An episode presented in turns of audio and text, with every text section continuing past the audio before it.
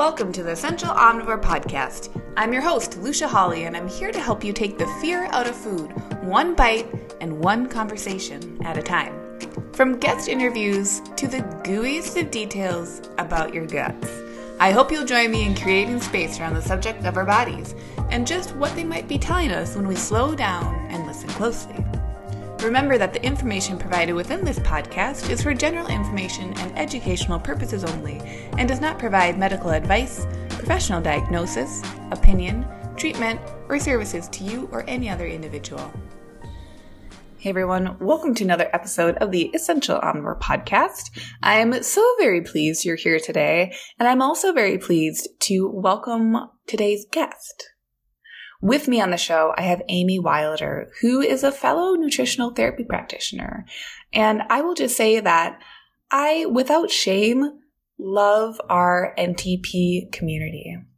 I think nutritional therapy practitioners are some of the most badass wellness coaches out there because they truly, like every NTP I meet, is truly meeting their clients where they're at and they just offer some of the most beautiful support for people who are looking to reclaim their wellness. And Amy is no exception. So in today's show, Amy really dives deep into her story and just how and why she chose to tune out the noise of diet culture and at the same time reclaim her wellness and quite frankly claim her wellness as her own. So if you are someone who can identify with over exercising or excessive use of cardio, if you're someone who has felt like you have or have had a lot of control around the foods you eat or feel very compelled to eat in a quote unquote clean style, or you have a combination of both of those, I think this episode is really going to speak to you. So let's get to it and dive in. So I'm so excited to have you on, Amy. I've been following, this is like the first time that you and I have actually chatted with each other, to my knowledge, right? Yeah. Um, so I've been following your Instagram for quite a bit and really appreciate the work you do as an NTP to help your clients. So could you introduce yourself for our listeners and kind of, I'd love to just jump into your story and how you really had to figure out your own health back in the day. Yeah. Well, first off, thank you for having me. I'm really excited. And I've also been following you for a really long time. So it's very exciting for me to finally get to like chat with you a little bit more in detail. And um, I just feel like we're really aligned in the things that we talk about and that we're passionate about. So I'm just like really pumped to be here. So, as far as my background, when I try to think back to like, where did it all begin? honestly, I could go back to like very early childhood, right? Because I so my health journey that led me to become an NTP and to do the work that I'm doing today with my clients all started with my own health journey.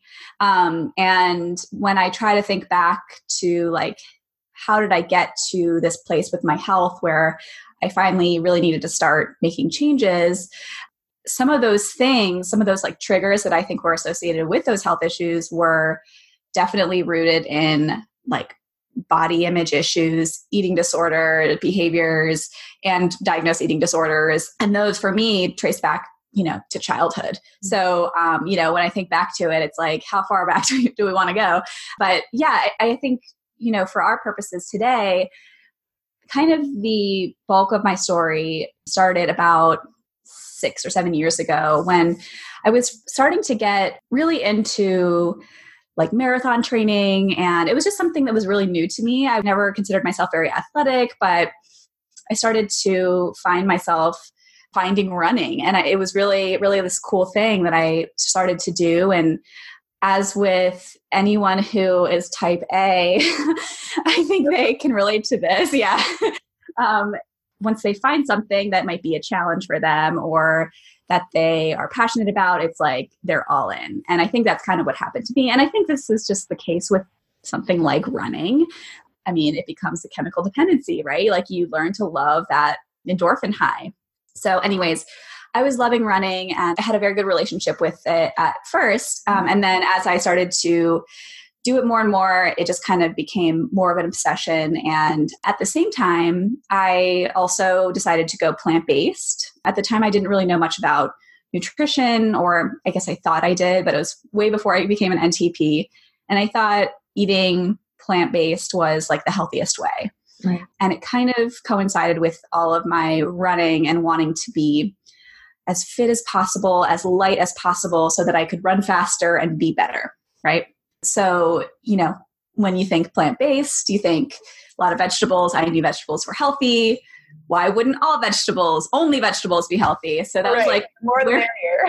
So I was basically eating less and less and doing more and more with my body. So there was definitely a discrepancy between what I was asking my body to do and like how I was treating it and fueling it and supporting it. At the time, I was also under a tremendous amount of stress with different things. I was planning a wedding, which is like great and wonderful, but also like, you know, stress comes in a lot of different forms and yeah. that comes with its own set of stresses of course and we were buying a house i was working a full-time job i was commuting four hours a day it was just a lot. Oh my gosh yeah it's a lot on your plate.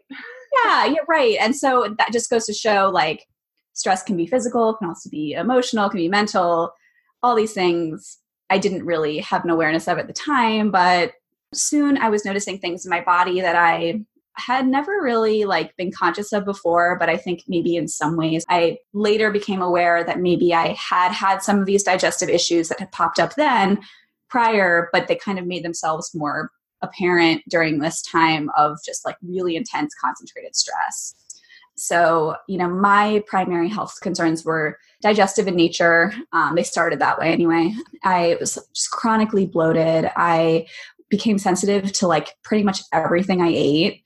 When you say yeah. sensitive to everything you ate, can you expand on what that can look like for people? Because I think there's nuance to that. So, what were you noticing with those mm-hmm. different like sensitivities? My primary symptoms were GI related. So, like, which food sensitivities can show up in like a million different ways, which I think is the tricky thing about them. And they can be delayed when they show up because there's a difference between food allergies and food intolerances and food sensitivities. And if, if you're allergic to a food, you pretty much know you're allergic to a food. It's a very severe immediate reaction to a food. You probably have known this for years.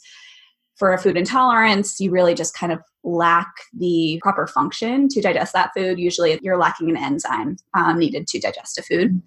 And then a sensitivity involves the immune system. So does an allergy, but it's just a different part of the immune system and it can show up delayed um, because the immune system can take some time to kind of recognize what it is and that it maybe shouldn't be there and starts to flag it a little bit later on. And for me, those symptoms were GI related. So, like severe bloating, distended belly, stomach pains. Um, I would get really like depressed and like low. So, some mood symptoms. Over time, I developed systemic inflammation from what I thought were prompted by the food sensitivities, but truly it was like the root cause of those food sensitivities and we can get into that a little bit later. But it was a lot of just like puffiness and swelling. I gained a lot of weight at the time which for me was a symptom of something else. It was just um, a lot of things but mainly like digestive in nature. But food sensitivities can show up as headaches uh, mood symptoms like anxiety i mentioned depression but it can show up as anxiety irritability skin issues, breakouts. So that was another one of my symptoms as well. I would break out in my underarms, which was like a really weird and I don't know, it was kind of like an embarrassing breakout, like sort of like symptom for me. It was like this very like cystic sort of rash that was painful and oh my god if anyone out there has experienced this you know it's like terrible yeah. but that was a major symptom for me as well so anyways skin issues are, is a big one for for sensitivities for people as well yeah so you were developing, and I would imagine too that. So you were saying before that you were getting really into running, and part of I, I'm not a runner, so yeah. I imagine with running culture, mm-hmm. like you're saying, is that the lighter your body weight is, the faster your run times could be. So part of achieving a faster pace is potentially losing weight. And so now you're saying that during that time you were also experiencing weight gain and this change where you were feeling maybe a lack of control as well as these GI symptoms. So was that kind of the pivotal moment where you're saying like, hey, wait, I'm trying so hard, but something isn't working? Or did it continue on for a bit? I fought it. I fought it so hard because prior to this whole thing, I had a history of anorexia, an eating disorder in high school and into college. So I had this history of having a strained relationship with food and my body, needing to control my body, my weight.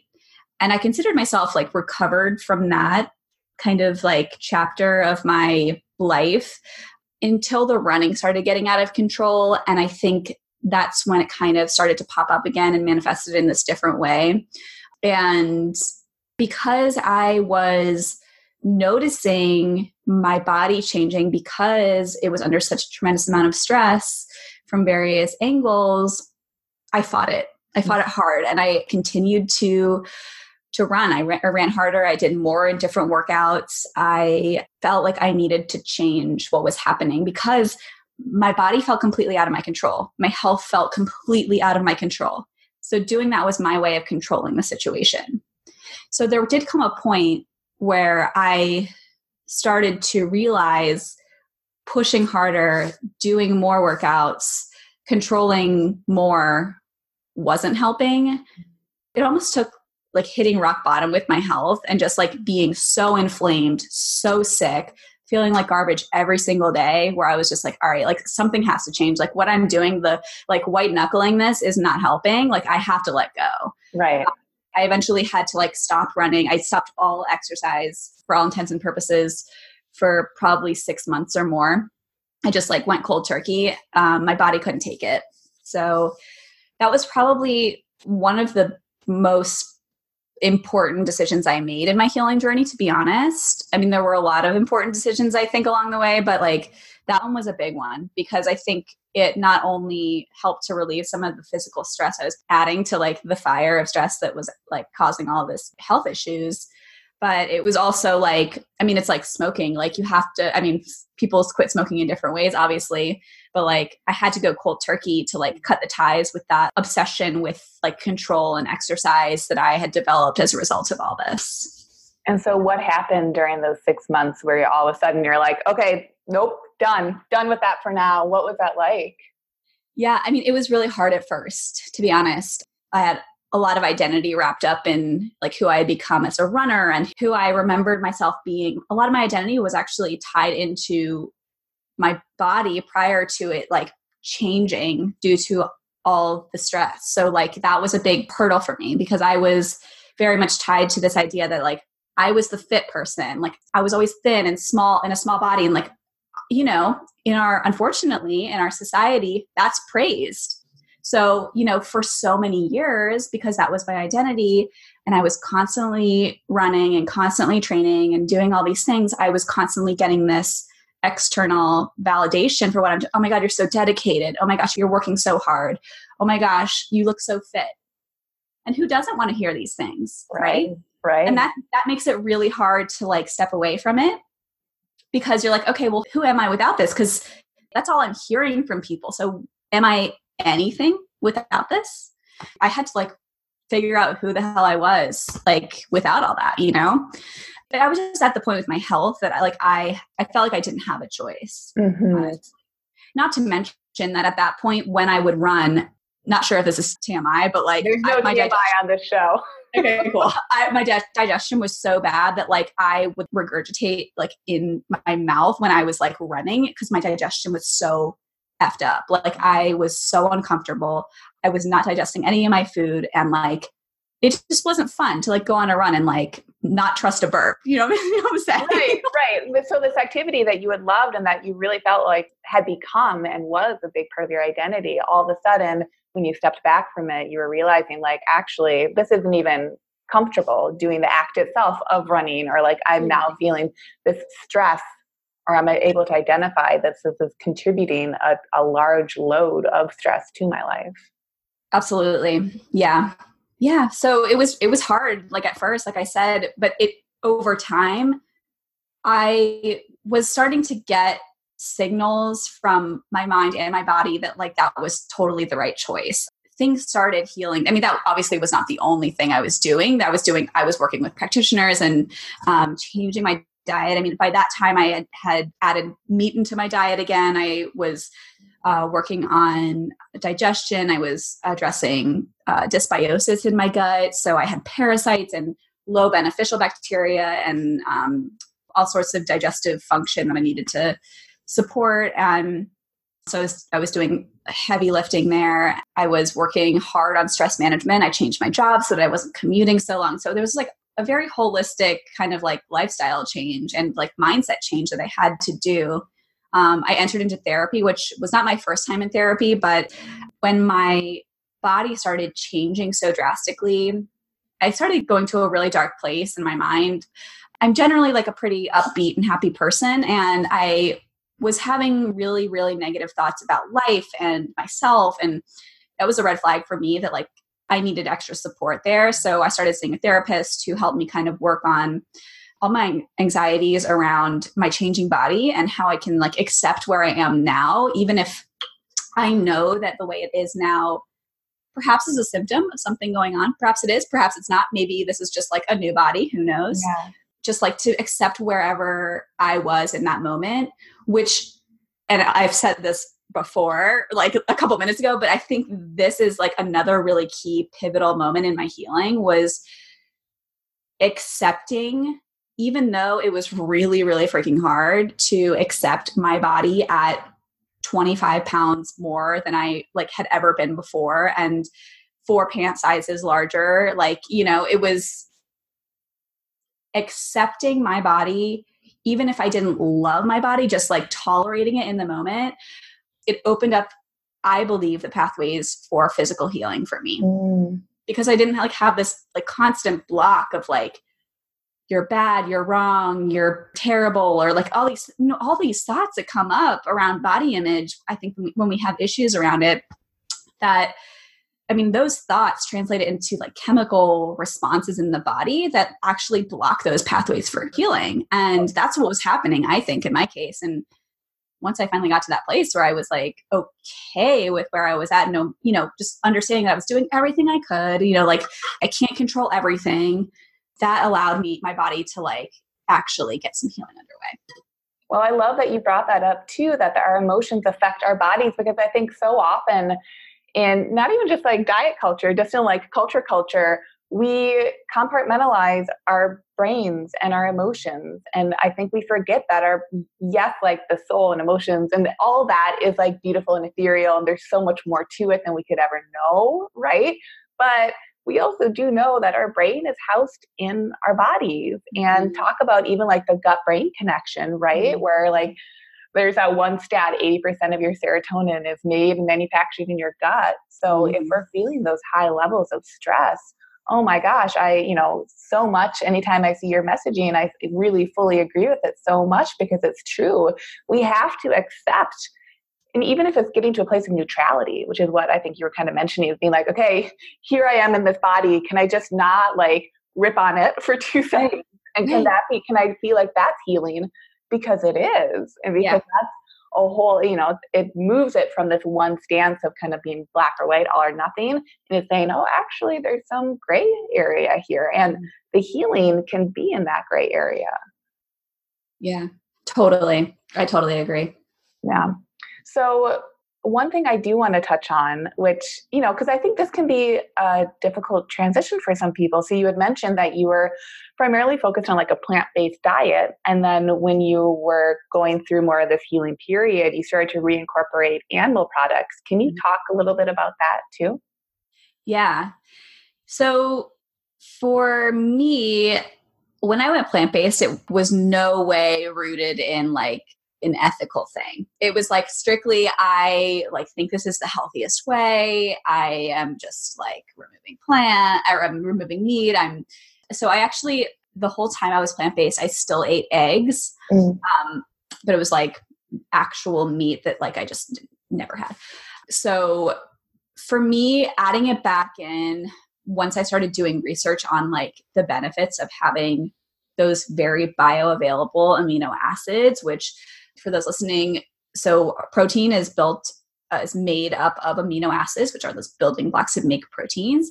And while amino acids can be present in plant foods, they are either incomplete, meaning that we don't have all of the essential ones that we need, and or they're not as bioavailable, meaning our bodies can't use them. as readily. So, um, amino acids create obviously our muscles. Uh, we obviously like associate protein with like muscle um, growth and development. So, I think that that's a pretty obvious one. But it also is responsible for like tissue repair, which for me, I consider that a very like strong connection in my story because I had leaky gut. So, leaky gut is basically when we eat food, we chew it, swallow it, it goes down the esophagus into the stomach where it's bathed in acid to help break down proteins, neutralize pathogens, and just generally break down our food. And then once it exits the stomach, it enters into the first part of the small intestine, which is where 90% of our nutrient absorption occurs. And the way that happens is through like really small little perforations in the lining of the intestinal wall. So our food is well digested by that point, pretty well broken down, and it is you know in really small particles and they can push through those really tight junctions in the intestinal wall and go into the bloodstream where the cells can absorb them and convert them into energy which is what we want. When we are not digesting properly let's say we're not chewing well enough or we are stressed out while we're eating or we're not producing enough stomach acid or enzymes or bile, which helps us to break down our fats that we're eating, those food particles become less broken down. Like they're larger than they should be. And over time, they kind of irritate that lining of the small intestine. It's really delicate. And those perforations become larger than they should be. And those molecules of food kind of push through and they enter into the bloodstream. And the body wants those particles to be really broken down because that's what it's looking for because it knows what to do with those small really well broken down particles. But if they're too large the body's like whoa whoa whoa who are you? What are you doing here? Yeah intruder alert. Exactly. Yeah. yeah. And the immune system launches an immune response when it sees those particles because it's like i don't know what you're doing here. I don't really know what to do with you. You must be something that shouldn't be here. So it starts to flag those foods and that's how food sensitivities really start to um, develop is leaky gut is at the root of food sensitivities. And going back to the whole amino acid protein thing for me for years i two and a half years i was plant-based and wasn't getting those essential amino acids needed to repair the tissue that my poor digestion was causing you know those those perforations in my intestinal lining to get larger. So basically i didn't have the raw materials that i needed to heal up and seal up my intestines so that's why i was developing all these food sensitivities as a result of some of my digestive issues. Um, so anyways getting back to your original question about incorporating animal protein again that was kind of my original like trigger for okay why do i need to like start eating animal protein? I was doing some research on amino acids and protein and the benefit of that for you know gut issues and why that's so important. Not to mention that i think anyone listening can relate to this if they also experience digestive issues eating a ton of vegetables is like really hard on digestion. There's like, a lot to be breaking down there especially when you're getting in like a big variety too.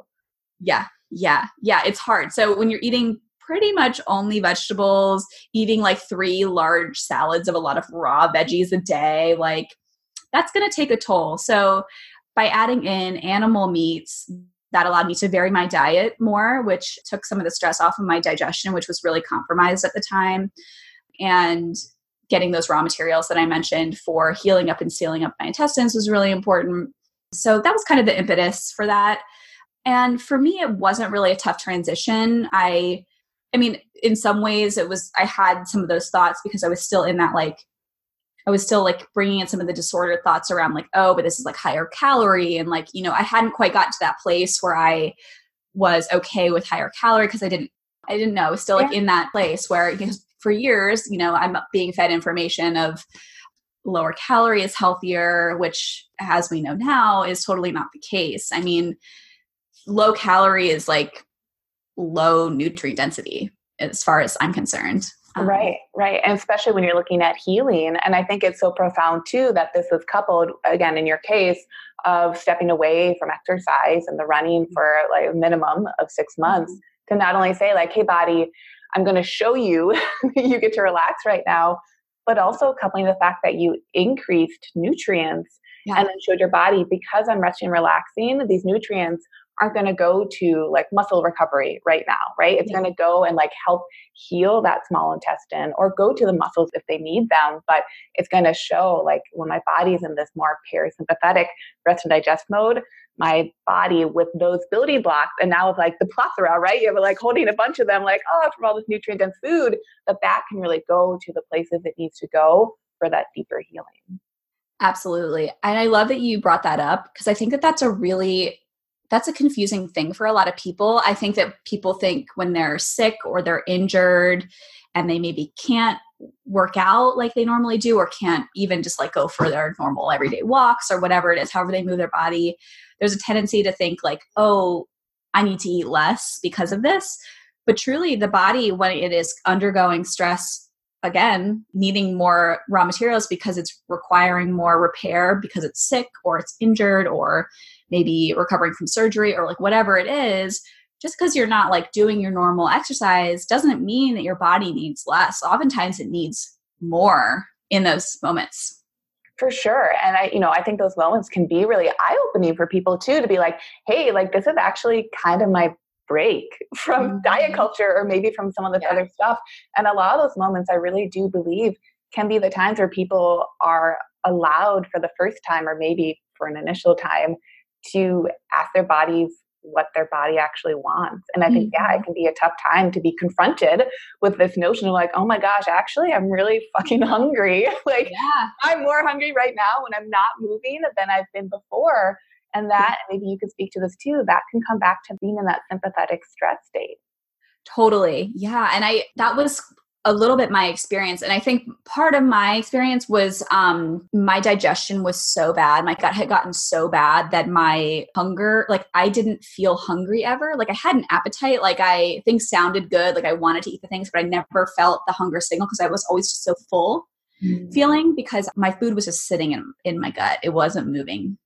So that was a hard thing for me because i knew i needed to eat I was like starting to learn the importance at that time of like it's so important to fuel your body because of it's healing it is doing a lot like it needs these things but I wasn't getting those hunger signals. So that was a challenge for me especially coming from a history of disordered eating and never wanting to feel full and thinking that feeling full was bad and all those like thoughts that come with you know being in that place.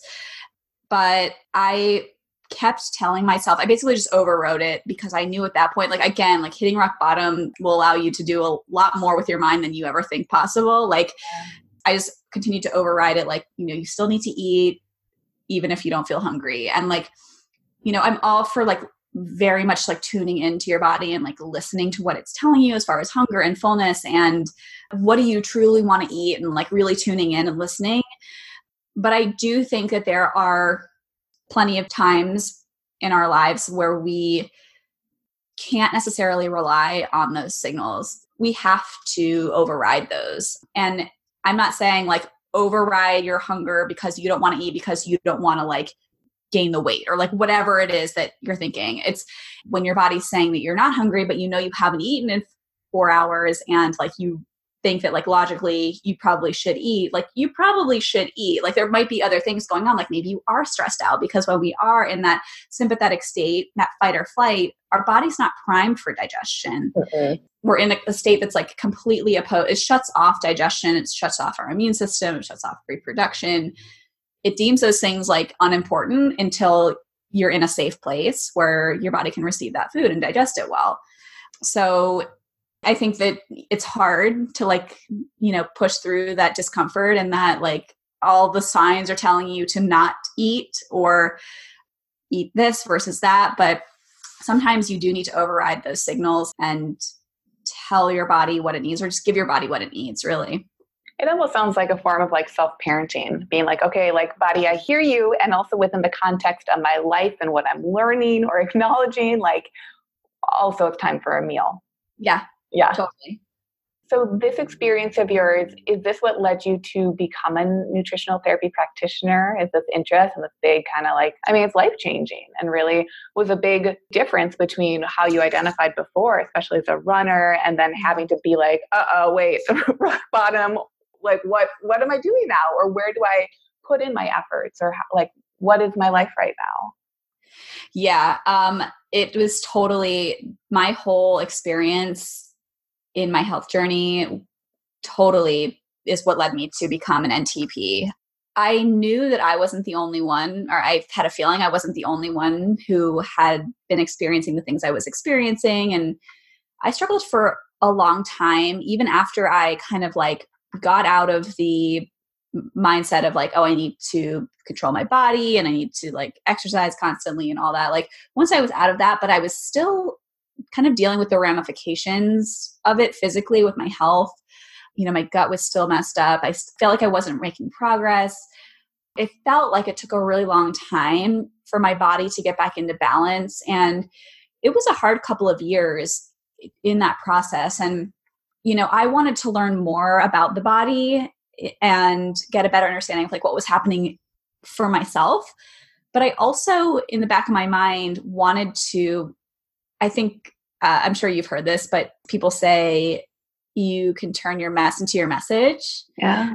Um but in some ways i think that was a little bit what i was thinking. Like i wanted to turn my rock bottom into like how can i take my experience and help make someone else's experience a little easier? How can I learn something to kind of give back in this way and support other people going through similar things so that they don't have to suffer for as long or they can get answers or feel supported at the very least. I mean, that's something that I think was a big thing in my experience was I you know, I had people, I had my husband, I had a couple close friends who would listen and were so compassionate and held, held the space for me to just like basically like brain dump and like cry if I all needed. out there. yeah, like when I was going through all that, but I didn't really know anyone who could relate to what I was going through personally. Um, even the practitioners I was seeing at the time, I didn't feel like they fully got it or fully connected. You know, I had a couple really special ones who I I felt like got it, but I felt like that was a missing piece for me. I wish I had had someone who like fully understood what I was going through and you know, from a physiological perspective but also like the emotional support and just like they had been there. Um so I wanted to get this education so that I could better understand my body and what I was going through, but in the back of my mind, knowing that I wanted to help other people going through very similar things. Yeah. Well, I think some of the greatest teachers are the ones it's like it's not the perfect person, and I don't really believe that anyone can be perfect, right? Not the person who knows the most. Uh, sometimes can really be like the person who has that empathy and who has had that lived experience. There's so much nuance there, and what can happen in terms of holding space for others, as well as which I think our program we're both NTPs, our program does so well is being like, and here's the brick and mortar of like, what is happening with leaky gut? Or like, how does it get from the gut to the blood and like back again? And, and how do you describe that to people, especially if they're in a state of overwhelm or they're just like, just tell me what to eat or, you know, X, Y, and Z, whatever it could be. So being able to bridge that gap, I think can be so healing.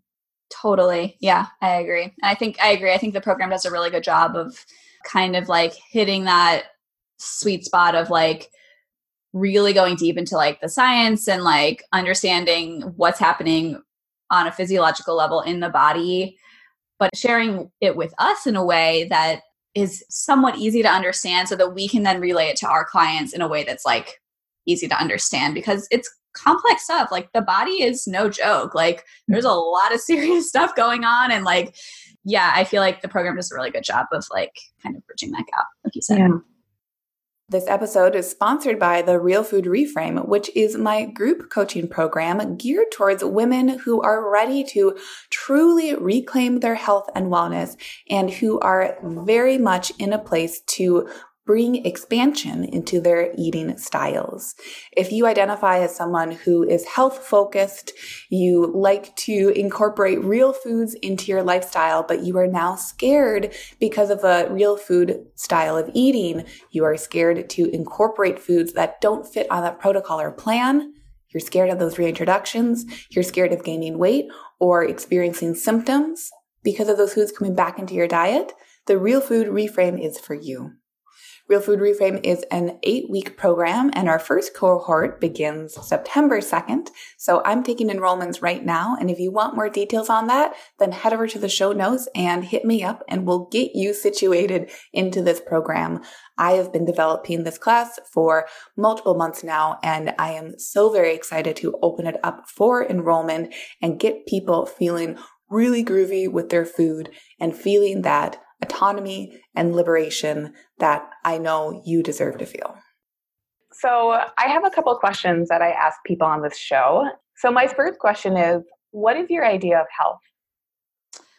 I love this question because I think, you know, my answer like seven years ago would have been so different. Um, but my experience that we've spent this whole time talking about is like just has led me to a completely different view of health and i think it might even be different than a lot of people like in our field like even some other ntps i feel like you know i think that there is an emphasis when we think about health like what is health?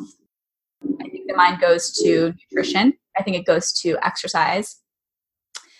And my experience with nutrition and exercise has never been I wouldn't say never, but for the most part, I've had a really strained relationship with nutrition and exercise, you know, like with those very like hard labels, like what are we supposed to eat? Like what should we be eating? How much should we be exercising? Because I think when we think about nutrition and exercise, there are a lot of rules that are put around them by a lot of people that I don't think should be there. Um, my personal idea of health right now, today, is are you happy? Do you feel good in your body? Are you able to do the things that you love to do every single day with energy and vitality and vibrancy? It has nothing to do with what size you are, the weight on the scale, the label that you put on your diet, you know, how many miles you've run. It has nothing to do with it. Because as I learned, as a marathoner who was eating lots of vegetables, by all definitions, you know, as far as I was concerned at the time, I was very healthy, air quotes. Um, but I really wasn't. I was as sick as I had ever been. And it wasn't until I completely changed my mindset around body and accepted myself as I was, even when I was at my sickest. And actually started nourishing my body with like nutrient dense foods and not fearing foods anymore. And completely shifted my relationship with exercise. That's when I found health. I think that's so profound. And it comes back to a feeling, right? Or feelings of yeah. health versus like when you were saying that, it's like, oh, I could write all those things down on a piece of paper, right? Runs marathons, eats a lot of vegetables, like mm-hmm. super duper healthy. No. Wait a second. Maybe we're yeah. feeling that good. Right. Absolutely. And I think that that's that's an important thing to remember is kind of bringing in like the diet culture, like health at every size sort of piece. It's like you can look at someone and you can assume a lot of things about them we have a tendency to do that, right? We look at yeah. someone and we say, "Oh, that person, that person looks really healthy. They're fit. Look at their muscles. Oh my God, she went ran five miles, no problem. Wow. Oh my God, she must be so healthy." Um, you know nothing about that person's health. Like a person in a small body could be very unhealthy, and a person in a large body could be extremely healthy, and then you just have no idea about someone's health by looking at them. So I think that's an important thing to keep in mind. No, I agree. And I have similar experiences from just a few years ago where from the outside looked super healthy, was crossfitting a lot and like doing all the right NTP things even.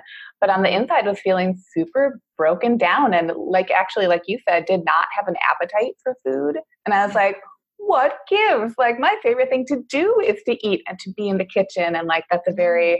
Nourishing act for me. So yeah, from that personal standpoint, I feel you. And it's very challenging to say, I'm going to accept that for what it is. And I'm also going to step away because when you mm-hmm. step away, right, you're inviting change. And as a practitioner, I'm sure, you, you know, it's, when you're guiding clients through change. Yeah. They have to both trust you to a certain extent to hold them accountable to that change, but also they have to trust themselves to be able to withstand change and trust that on the other side of going through change that there is something worthy to be moving towards. And that's that's i think a really tough thing to do in diet culture where diet culture is mainly saying like do x y and z do this program do this protocol do it for 20 days 30 days what have you and then things will be really good. Instead of saying well actually if you check in with yourself what do you want? Yeah like, oh, how scary is that? What do I want? Right. Yeah, because we've outsourced like what we want to all these rules for so long. And I think like tuning back in with our intuition is a really scary thing at first. We don't trust ourselves when we're in that transition phase. We don't trust ourselves because we've never we've never had to before. We've outsourced all of it. So, yeah, it's it can be scary in that transition, but it is so worth pushing through that discomfort and giving up all semblance of feeling like there's a any way we can control anything because like there's anything I've learned in my 32 years, we can't control shit. there's no control. Like it's an illusion. Oh, do you feel like that by making these changes with food and nutrition, but also recognizing it's like it's mindset and it's feelings and emotion and that work too. Do you feel like these experiences have also transformed other areas of your life or does it feel compartmentalized to just food and nutrition? Ah, that's a really good question. Oh my gosh. I feel like i want to say that yeah like it has spread in, into different areas. It wasn't just about like loosening the grip on food and exercise and like those control things. It was like i had to shift my mindset in order to let go of those things. So I think it was like rooted in this mindset shift. So I think it did kind of spill over into other things. However, in other ways, and this is like a whole other like episode i'm sure but like um i i struggle with anxiety and very much in like the worst case scenario sort of thinking and like i can't control anything and like all the bad things are going to happen sort of thing so in that way i feel like maybe it hasn't really spilled over it's in some ways i almost feel like and i think that i'm just like psychoanalyzing myself at this point but mm-hmm. i think that perhaps i had this kind of veil of control with like nutrition and exercise and body control for so long that now that i i'm not using those things as like coping mechanisms for my anxiety my anxiety is very like raw and like opened yeah. um so now i'm like feeling all the things that for you know most of my life i had kind of like buried under the veil of like control with all those other things so now i'm just like kind of faced with my anxiety which you know i'm definitely working on those things now but yeah i think that's probably where i'm at with that yeah, I think it almost sounds like it's created space for it in this way. That's totally uncomfortable, right? Like, oh God, I yeah. don't really want space for my anxiety. No, thank you. Except, yeah, it's probably a really beautiful place to be in. Yeah, totally. I mean, it's not obviously, like you said, it's not like anxiety is very uncomfortable, but like it's very necessary to feel it in order to process and work through it all. Right. Yeah. So then my next question is, and maybe this ties into the last one, what is your idea of happiness? Happiness. Oh my gosh. Happiness is being with like your people. I think that's what happiness is. And like feeling, I think feeling understood, feeling like you belong, feeling heard, think it's laughing with your friends. I just think happiness is like can be defined in so many different ways. I think it's everyone has to find their own happiness. I think feeling freedom in different ways can lead to happiness too. And like I kind of prefer the word joy over happiness and I don't know why. I feel like there's some aspects of expectations around happiness that like we have to be happy. Like we're always like achieving happiness and like it's okay if we're not happy all the time. It's kind of like my view. Um, we can feel content with where we're at and like finding moments of joy in our days i think is really beautiful and amazing if you can find that. Yeah i love that. Yeah and joy is more it's almost more um encompassing, right? It can joy is like a container that can hold some of those different experiences versus that word happy. You're not the first person to mention that, being like, oh. yeah, happiness like a little like a little flat, right? Or mm-hmm. like there's maybe some um history with trying to like i just got to be happy let me feel happy that can feel kind of triggering too for a lot of people Yeah. so i love Yeah. that you brought that up where joy is a little bit more like well-rounded and things. Yeah. what else brings me joy and that there can be different shades to that hmm so then my last question is what is your favorite word Favorite word. Okay. I like this word because I learned it when I was studying for the SATs many moons ago. um, esoteric. Ooh. And I really liked it just because I think at the time I was like in a very like emo stage of my life. And I was like, esoteric, I connect with this. Um, but I don't know. I just think it's like a fun word and that means not like a very fun thing, but like can you can you define it or can i tell people like what the definition it means to you esoteric, um, understood by only a few. And I don't know, I guess, I don't know, maybe I feel that way sometimes. It's like, once you find the people who understand you, I think that like that's like where that connection comes in. That's where like that joy comes in, that feeling of belonging. Um, I think that that's okay. Like I feel like there's almost like an aspect to feeling esoteric that you don't have to like please everyone. that You don't have to like be everything to everyone, that you can just be yourself. And those people who understand you and love you for who you are are cool with that. yeah oh i think that's so powerful SAT words, man, that is a throwback. I know, right? They're all coming back. Dang. So the last thing I want to ask about too is I know that you have a new course that you've developed, which really, you know, based on our conversation, is rooted in a lot of your experiences as well as your clinical knowledge of understanding, okay, food sensitivities, yes, they are their own thing, but they typically have like a deeper root or like a deeper cause. So can you tell us a little bit about what you're now offering? Yeah. So I just launched a course called Free Your Food Sensitivities that is basically designed to help people like me when I was in kind of the throes of my frustrating digestive issues and inflammation and food sensitivities and fearing food and um, not knowing what I was reacting to, feeling like I was reacting to everything and um, feeling really frustrated by my food sensitivity symptoms and Basically i was looking for concrete answers i didn't want band-aid approaches i didn't want to just like take a peppermint supplement after i was feeling my symptoms to try to help like i wanted to actually heal my body from the inside out but there was, I was really confused at the time, right? Like there was so much information out there. I was kind of doing it on my own. It was before I became an NTP and had my education on on all this and like, you know, what was I didn't have a good understanding of what was going on in my body. It was before and like a little bit during the start of when I started working with practitioners, but I still felt very confused about what do I do? How do I approach this? What's really going on? And I wanted to create a course that basically was like a packaged up resource of everything that I have learned about food sensitivities and basically the process and information that I go through with my one on one clients when I'm working with them on their food sensitivity issues and basically packaged up and provided to them in this kind of self paced online course environment. So that's what it's all about. And um, basically, it has, you know, 40 lessons worth of content from talking about digestion and how that that whole process works from a really like kind of nerdy perspective um, and then diving more into leaky gut and the connection between leaky gut and inflammation and food sensitivities.